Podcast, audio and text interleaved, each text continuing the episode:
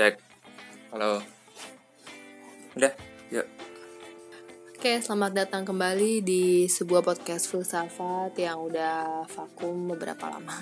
Enggak maksud setiap bulan kamu bilang vakum memang tiap bulan aja jadwal. Kan pada mintanya tiap minggu. Ya udah lah. Ya Oke udah, nih, mulai nih. Oke, kita udah cukup banyak nih bahas filsuf-filsuf barat.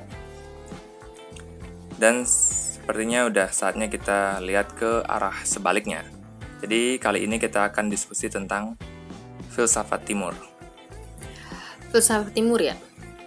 Hmm, filsafat timur itu berarti filsafat yang muncul di kawasan Asia dan India gitu ya. Ya, dan filsafat Islam juga kalau nggak salah masuk ke dalam kategori filsafat timur. Karena eh, daerah Timur Tengah itu ada yang masuk bagian Asia Barat. Oke, tapi apa yang membuat filsafat timur tuh beda dari filsafat barat? Karena kalau nggak ada bedanya, ya kan nggak perlu dikategorikan jadi timur dan barat kan, sama aja jadinya filsafat ya filsafat aja, entah dari mana berasal. Iya, tentu filsafat di mana pun pasti eh, mempertanyakan hal-hal besar gitu, big question. Siapa kita dan kenapa kita di sini? Ya, pertanyaan-pertanyaan seperti itulah. Tapi memang ada beberapa ciri pembeda dari filsafat timur dan barat. Tentu dikarenakan oleh budaya dan kondisi sosial pada saat filsafat itu berkembang. Terus apa dong yang membedakan? Pertama kita bisa lihat dari cara berpikir. Di barat sangat ditekankan rasionalitas dan penalaran gitu. Sedangkan kalau di timur lebih mengutamakan hati gitu perasaan. Bukannya perasaan itu bukanlah sesuatu yang dapat diandalkan ya, kalau dalam filsafat. Ya kalau di filsafat barat sih gitu ya. Tapi kalau di timur ini hati itu ya dianggap atau diasumsikan sebagai gabungan dari intuisi, akal budi dan intelijensia. Karena goal akhir dari filsafat timur itu adalah menjadi manusia yang bijaksana, bukan orang yang paham segala hal di dunia ini. Kamu nggak perlu tuh mikirin metafisika, nggak perlu apa itu pengetahuan gitu. Baga dari mana kita tahu apa yang bisa kita tahu gitu loh. Jadi fokusnya filsafat timur itu lebih ke etika dan moral. Ya mungkin bisa dibilang gitu. Ingat ya, kita di sini ngomongin secara general gitu. Tentu ada pengecualian di sana sini. Filsafat Barat nggak sepenuhnya A, filsafat Timur nggak sepenuhnya B gitu. Tapi secara umum bisa dibilang seperti itu. Oke nih, jadi apalagi yang beda? Nah mungkin dari sini filsafat Timur akan terdengar mirip-mirip hippie gitu lah ya, karena salah satu ciri pembeda dari filsafat Timur adalah sikap mereka terhadap alam. Kalau di Barat, manusia melihat alam semata-mata sebagai objek, dan manusia adalah subjek yang bebas melakukan apa pun terhadap alam. Jadi uh, filsafat barat itu cenderung mengeksploitasi alam. Iya, dan eksploitasi dalam artian cuma mementingkan kepentingan manusia itu sendiri. Gitu. Di barat mereka cenderung diajarkan untuk mengontrol dan menguasai alam. Sedangkan di filsafat timur, lebih ditekankan untuk hidup berdampingan dengan alam. Terus mungkin ada yang bilang, tapi kan sinisme itu mengajak kita kembali ke alam gitu. Dengan hidup sederhana meninggalkan peradaban gitu. Ya, seperti yang aku bilang tadi, kita ngomongin ini secara general. Sekali lagi, tentu ada pengecualian di sana sini. Berarti uh, hidup yang harmonis dengan alam ya? Ya, udah mulai-mulai udah mulai-mulai mirip hippie, hippie nih. ya. Nah, itu dah.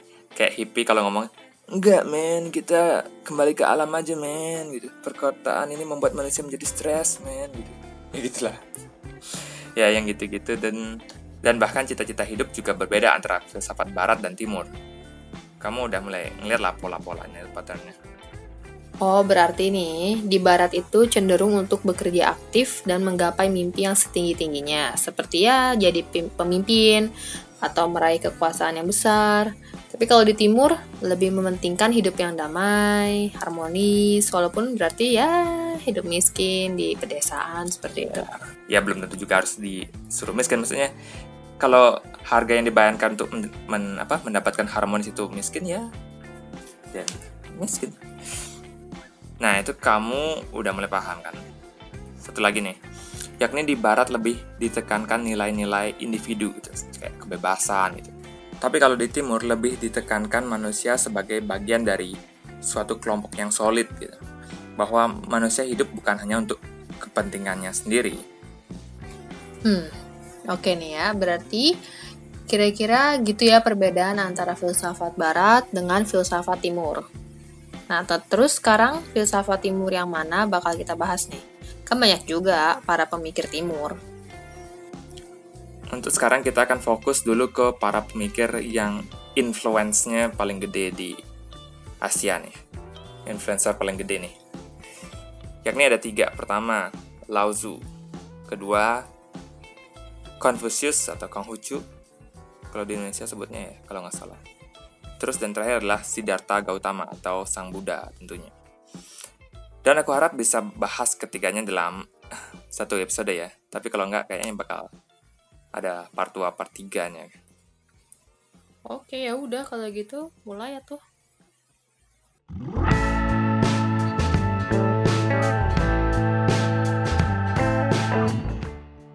Jadi, mari kita mulai dari Lao Shu. Lao Shu? Lao Su. Lao Shu? Lao Su. Ya, Lao Su lah. Siapa tuh doi? Lao Tzu atau juga kadang disebut sebagai Lao Zi gitu. Lao Ze mungkin bacanya. Lao kalau ada yang sudah sering baca-baca filsafat timur mungkin sedikit heran gitu. Kenapa di artikel ini disebut Lao-Tzu, di artikel sana disebut Lao-Zi, Lao-Tzu. Padahal tokohnya yang sama dengan pemikiran yang sama gitu. Hal ini terjadi karena proses romanisasi itu atau perubahan dari aksara Cina ke Romawi gitu. Ya gitulah ya, pokoknya bahasa-bahasa staff aku nggak juga nggak terlalu ngerti. Dan dia adalah seorang filsuf kuno Cina yang sebenarnya masih diragukan keberadaannya lah, gimana dah? Jadi dia ini bisa dibilang mirip kayak Socrates yang nggak nulis apa-apa, cuma pemikiran beliau tuh ditulis oleh muridnya sendiri, yakni Plato. Jadi we can never know for sure dong, apakah dia beneran ada atau cuma bikin-bikinan si Plato. Iya, tapi juga enggak. Lagian orang-orang juga udah cukup meyakini keberadaan dari Socrates. Karena dia nggak cuma digambarkan di tulisannya Plato, tapi banyak teks-teks karya tokoh-tokoh lain yang juga ada uh, membahas Socrates. Tapi kalau Lao Tzu ini, dia punya nih karya tulisnya sendiri yang bernama Tao Te Ching atau juga disebut Dao De Jing gitu. Pelafalan yang beda gitu.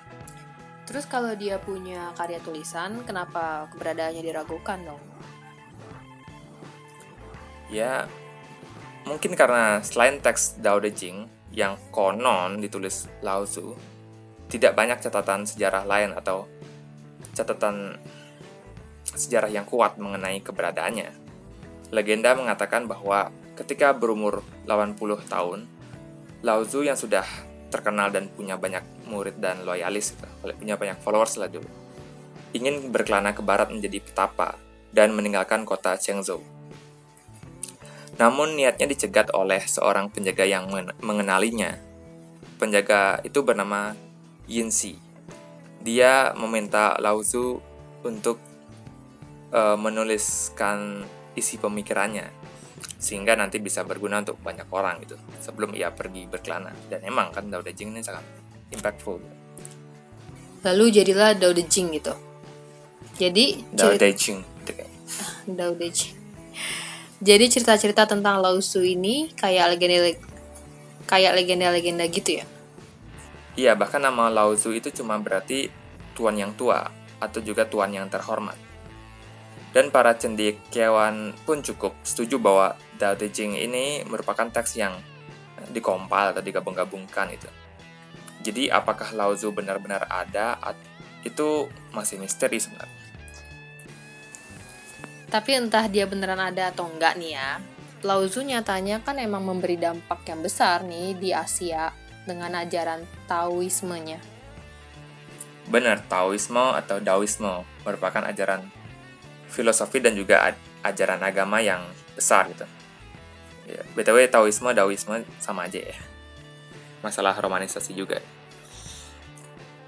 Tapi kayaknya kita bakal pakai Taoisme aja karena kayaknya sepertinya lebih umum ya di Indonesia ya. Ya kali. Oke, Iya, lebih, lebih umum. umum ya. Oke. Sampai mana kita nih? Berarti sekarang kita perlu bahas apa itu Taoisme? Sebenarnya simple. Taoisme adalah menjalani hidup yang harmoni dengan Tao. Terus, tentu pertanyaan yang muncul adalah apa itu Tao gitu. Ya, kedengarannya ya cukup aneh sih. Jadi, apa itu Tao?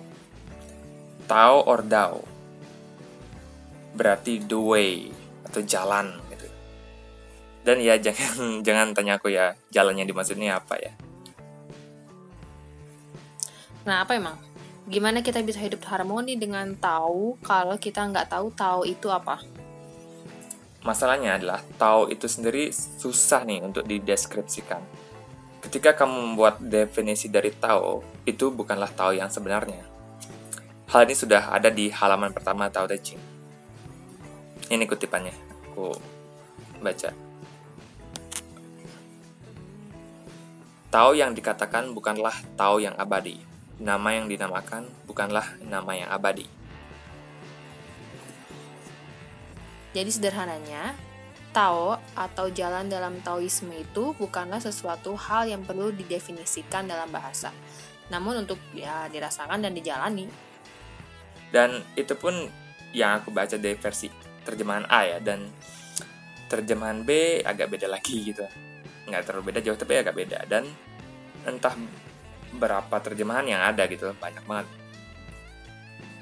Dan Tao Te Ching ini juga termasuk buku yang paling banyak diterjemahkan gitu selain Bible. Bible yang pertama yang paling banyak diterjemahkan. Jadi emang agak membingungkan sebenarnya. Dan ada lagi yang susah dari filsafat timur yakni keambiguannya dalam penyampaian pesan. Nggak kayak filsafat barat yang apa sangat apa Straightforward. Iya gitu lah premis A bla bla bla premis B bla bla bla maka jadinya C gitu terstruktur dan rapi gitu kan Berarti di timur itu banyak pengandaian ya. Ya, yang bisa banyak interpretasinya jadinya. iya dan juga lebih kayak kumpulan quote quote gitu ya dari penulis gitu tapi ya membaca filsafat timur itu cukup relaxing menurutku daripada baca filsafat barat Uh, dan oh ya dan juga kita harus mengerti konteks sosial politik yang terjadi pada waktu itu Ya emang gimana sih Cina di masa itu? Kalau aku sih ya ngebayanginnya ya orang bertani, nulis kaligrafi, cewek-cewek nari, ya gitu sih dibayanginku. Cina nggak selalu seperti yang kamu bayangkan ya sebenarnya. Dan Cina dulu itu tidak satu negara seperti yang kita tahu sekarang. Dulu ada banyak negara di sana yang saling berperang. Dan beberapa sejarawan memperkirakan bahwa Lao Tzu hidup pada masa itu. Masa di mana terjadi peperangan antar negara-negara di Cina. Atau disebutnya Warring State Period. Jadi aku harus membayangkan hidupku di masa itu nih, biar aku paham kenapa Lao Tzu came up dengan pemikiran-pemikiran seperti itu. Iya dong. Dan kamu pikirin deh coba. Perang di mana-mana, orang-orang kelaparan. Kamu tiba-tiba aja bisa disuruh ikut perang gitu. Kalau wamil ya cowok sih, kan kamu. Ya bingung men hidup zaman itu.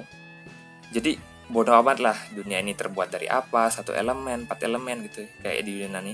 Mereka nggak punya kemewahan untuk berpikir seperti itu kayak di Yunani kuno. Mikirin sistem politik lah, apalah gitu. Yang mereka pikirkan adalah how do we apa convert ourselves gitu bagaimana kita menenangkan diri kita di tengah kekacauan ini maka dari itu Tao adalah solusinya Tao selain berarti jalan juga bisa dideskripsikan sebagai spontanitas natural gitu mengalir abadi seperti itu Oh, karena hidupnya di tengah-tengah kekacauan, yang tiap hari bakal ada perubahan, kita perlu hidup yang spontan, ngalir gitu. Yoi, hari ini deh, kamu mungkin adalah penduduk negara uh, Zhou. Besok ada perang dan beberapa minggu kemudian kamu udah jadi penduduk negara Qin. Yang beda lagi peraturannya gitu. Oleh sebab itu, ikuti aja aliran hidup ini. Kayak quotes-nya Lao Tzu gitu. Dia bilang gini, Hidup adalah rangkaian perubahan alami dan spontan. Nggak ada uhuinya. Ulang-ulang nih. Hidup adalah Hidup adalah rangkaian perubahan alami dan spontan. Jangan melawan hal tersebut. Itu hanya menciptakan kesedihan. Biarlah kenyataan menjadi kenyataan. Biarkan segala sesuatunya mengalir maju secara alami dengan cara apa pun yang hidup ini suka gitu. Oh, jadi lebih ke go with the flow aja nih, ikutin aja nih aliran hidup. Padahal baru bulan lalu kita bahas Nietzsche yang tema filsafatnya bertarung lawan arus. I choose my own path. Nggak ngerti nggak itu inside joke gitu. itu saja. Iya mana ya? Emang itu pada ngerti joke itu? Enggak tahu, karena coba dari dapat dari Twitter. Enggak. Beda banget ya Barat dan Timur. Terus apa lagi nih cara menjalani hidup yang menurut Taoisme? Nah, ada nih. Ini unik sih. Namanya adalah Wu Wei. Yang pada umumnya diterjemahkan menjadi non-action atau non-aksi. Atau bisa effortless action gitu. Tindakan tanpa usaha. Atau bisa juga tindakan tanpa intensi gitu. Tindakan dengan tanpa tindakan. Ya mungkin bisa gitu. Gimana sih? paradoks banget deh. Jadi aku harus bertindak atau enggak? Iya dan juga enggak kali ya. Emang agak susah sih untuk memahami konsep Wu Wei ini. Coba kita lihat quotes-quotesnya Lao Tzu yang berhubungan dengan Wu Wei. Siapa tahu kita bisa lebih paham gitu. Oke, yang pertama nih. Oh, dia bilang ini. Alam tidak terburu-buru, tetapi semuanya tercapai gitu. Bagaimana menurutmu? Mungkin ya, berarti Wu Wei itu artinya nggak kerja siang malam, kejar target banting tulang, produktif terus. Mungkin kita diminta ngikutin alam, pelan, tapi tidak ada hal yang sia-sia. Bisa juga, karena kalau dipikir-pikir nih, kerja terus-menerus gitu non-stop, uh, tidak sama dengan hasil yang maksimal gitu. Mungkin Wei berarti tindakan yang efisien gitu. Tidak kurang, tidak lebih jadi gue yang berarti non aksi jangan dianggap sebagai bentuk kemalasan gitu dan nongkrong santai gitu. Wu Wei itu lebih ke apa spontanitas meng mengikuti arus gitu meng mengikuti tahu gitu itu mirip kalau kita lagi in the zone gak sih iya sih kalau dipikir-pikir itu kayak atlet lagi in the zone gitu dan in the zone nih itu biasanya istilah yang digunakan untuk menjelaskan atlet atau seniman atau profesi apa pun lah yang dijalani dengan penuh konsentrasi gitu lah. Dan sangat dinikmati. Kayak waktu jadi nggak terasa gitu. Dan mungkin kalian pernah berada di dalam kondisi mental yang seperti itu. Di mana ada kerjaan yang seru gitu. Atau lagi main game seru banget tiba-tiba udah sore aja gitu. Hmm, jadi sikap yang ngalir itu yang ditekankan dalam konsep Wu Wei ini. Iya, dan konsep Wu Wei ini sering diibaratkan seperti air tuh kan bahasa air lagi. Ini kutipannya Lao Tzu tentang Wu Wei yang seperti air mungkin gitu. Dia bilang ini, air itu cair, lunak, dan pasrah. Gitu. Tapi air akan mengikis batuan yang kaku dan gigih. Biasanya apa pun yang cair, lunak, dan pasrah akan mengatasi apa pun yang kaku dan keras. Ini adalah paradoks lain dalam hidup gitu yang lembut lah yang kuat sebenarnya. Tapi maksudnya Lauzu pasti nggak pasrah-pasrah banget dong dalam hidup ini. Atau emang ya udah berserah siri aja ke tau. Berserah siri kamu. Mungkin bukan sikap pasrah yang ditekankan Lauzu, tapi jangan kaku gitu. Dan memaksa kehendakmu ke dunia ini. Hal kayak gini sering kita lihat gitu, di mana orang-orang memaksakan idealismenya ke orang lain atau ke lingkungannya. Pokoknya aku harus jadi gini gitu. Nggak mau tahu. Pokoknya ini passionku gitu. Padahal emang nggak pernah nyoba banyak hal gitu. Bukannya itu salah bukan salah ya. Seperti yang kuas yang pertama tadi melawan arus hidup akan membawa kesengsaraan dan kesakitan pada dirimu daripada ya menjadi air gitu. Lunak dan lembut memasuki celah-celah kecil bebatuan. Namun dengan konsistensi dan berjalannya waktu, air bisa membuat lubang pada pada sebuah batu. Itu lebih ke ego yang menguasai kita ya. Ego yang membuat kita tidak mau melepas ide yang salah tentang diri kita. Kita pikir kita tahu diri kita, padahal hanya ego kita yang kita paksakan. Ya, itu mirip seperti yang Lao Tzu katakan juga, yakni When I let go of what I am, I become what I might be. Ketika aku melepaskan siapa diriku, aku menjadi apa yang mungkin terjadi. Jadi kemungkinan kamu akan menjadi apa yang bahkan kamu tidak pernah bayangkan itu. Dan kita sering mendengar hal-hal ini seperti coba deh kamu tanya teman kantormu atau teman kuliah gitu. Kok bisa di kantor ini atau bisa di jurusan ini gitu.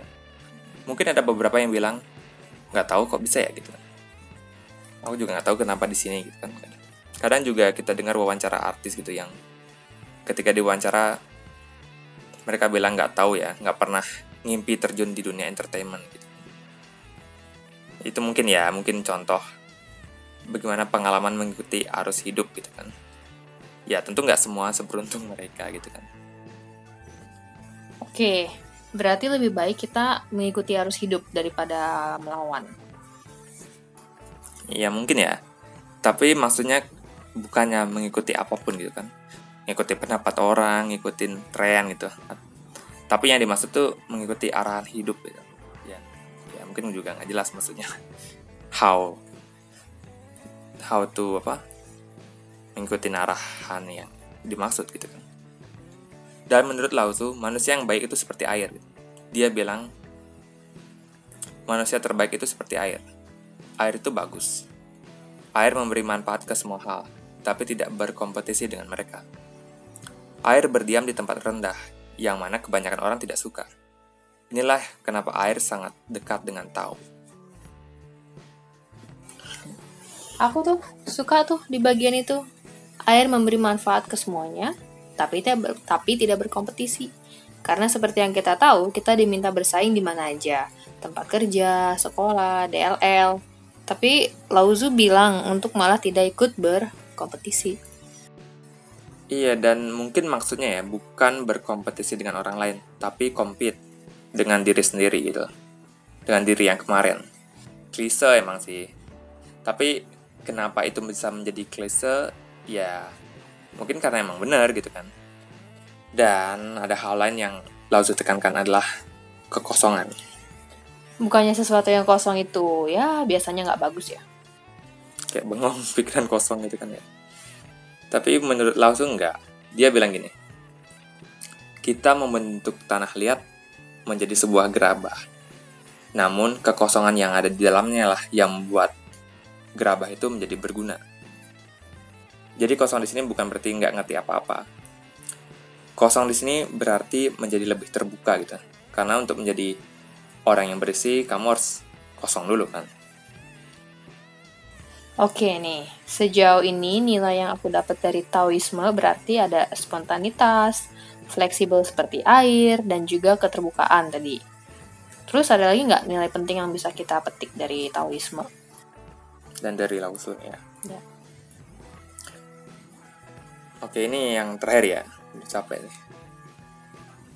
Ada tiga nilai dasar dalam Taoisme yang disebut sebagai three treasure atau tiga harta. Pertama itu compassion atau kasih sayang, kedua ada simplicity atau kesederhanaan, dan ketiga yakni humility atau kerendah hatian. Dan tentu aku nggak perlu jelasin dong kenapa tiga hal tersebut bagus gitu kan. Ya mungkin cuma psychopath aja yang nggak ngerti kenapa kasih sayang itu bagus ya. Dan tiga hal tersebut juga ada di berbagai ajaran filsafat dan agama mana pun sih. Terus apa spesialnya dong nilai-nilai itu yang nilai-nilai itu di Taoisme? Um, ada sih, gak ada hidden meaning. Ya kasih sayang ya kasih sayang aja sederhana dan rendah hati juga gitu.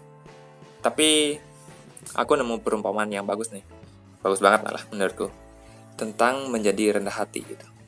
Kalau kenapa kita menjadi pengasih dan sederhana udah bisa ditebakkan ya menjadi pengasih ya itu bagus untuk kehidupan sosial gitu kan menjadi sederhana, membuat hidup tidak rumit gitu kan. Ya, terus kenapa kalau jadi rendah hati? Ada perumpamaan dari Chuang Zhou. Dia juga seorang Taois gitu kan.